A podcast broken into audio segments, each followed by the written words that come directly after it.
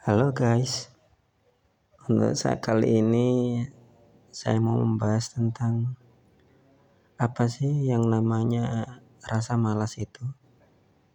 Wajarkah manusia itu memiliki rasa malas? Mungkin banyak di antara kita menganggap rasa malas itu seperti kekurangan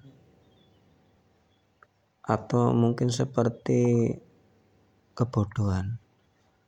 Padahal tidak semua rasa malas itu buruk loh. Rasa malas itu sebenarnya bagian dari reaksi tubuh kita saat mencapai titik batas kita.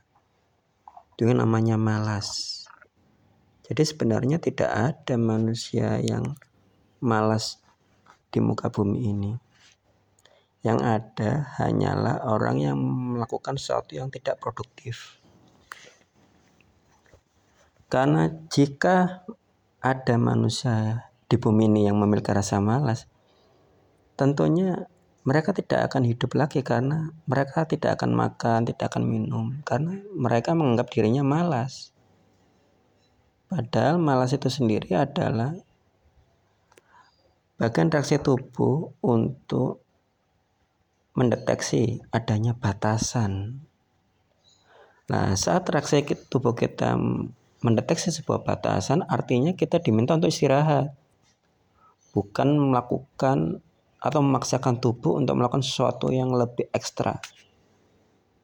Jadi sebenarnya rasa malas itu ada baiknya gitu.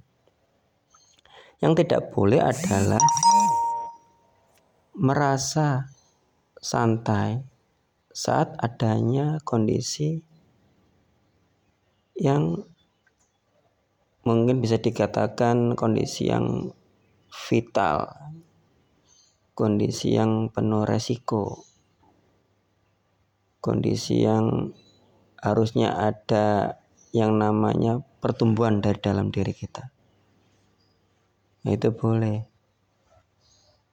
Nah, untuk mensiasati rasa malas datang, yang perlu kita lakukan adalah mengubah fokus kita. Dengan cara memberikan sebuah pertanyaan apa sih yang membuat saya itu tidak malas? Apa yang membuat saya tertarik untuk melakukan sesuatu yang baru? Gitu. Harusnya gitu. Atau mungkin kita bisa tanyakan pada diri kita kak kapan ya terbaik? Kap, waktu waktu yang terbaik untuk melakukan atau memulai sesuatu yang baru. Hadiah apa yang bisa saya berikan pada diri saya jika saya mau melakukan sesuatu? Nah, itu baru benar. Jadi kita tidak seolah-olah melawan diri kita gitu. Kita seharusnya bernegosiasi dengan diri kita agar alam bawah sadar kita itu mau mensupport apa yang kita mau lakukan gitu. Jadi sebenarnya untuk kaum-kaum milenial rasa malas itu bukanlah sesuatu yang buruk. Yang perlu kita rubah adalah meningkatkan persepsi kita terhadap rasa malas itu sendiri bukan malah melawan rasa malas gitu. Saya tidak menganjurkan seseorang untuk melawan rasa malas karena rasa malas itu adalah bagian dari naluri manusia gitu.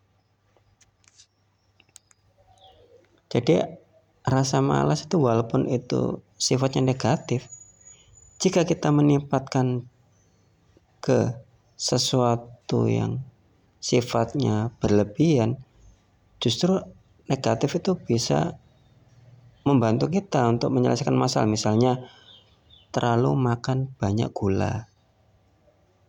Nah supaya kita mengurangi kadar gula gimana? Ya mengurangi kadar gula nah, mengurangi adalah identik dari rasa malas itu sendiri. Nah jadi gitulah seperti itulah gambarannya. Semoga podcast ini bermanfaat. Sampai jumpa lagi di podcast berikutnya